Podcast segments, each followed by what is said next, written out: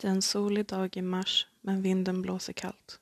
Jag är tolv år gammal och står med min familj som då bestod av min mamma, min pappa och min fyra år yngre lilla syster. Min morfar och min morbror var också där. Massa andra folk med. Där på Fristadstorget i Eskilstuna. Vi sörjer.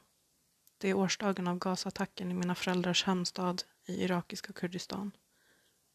Talarna repeterar ord jag har hört hela min uppväxt och ska komma att göra i många år därefter. Vi får aldrig glömma Halabja. Men vi glömmer bara dagarna därpå, för livet går ju vidare.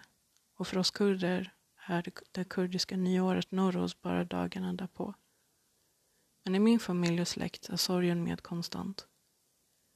Jag gråter trots att jag inte har egna minnen från händelsen, men eftersom min familj och släkt upplevt det och det är en kollektiv sorg var det väldigt svårt att hålla tillbaka tårarna där och då.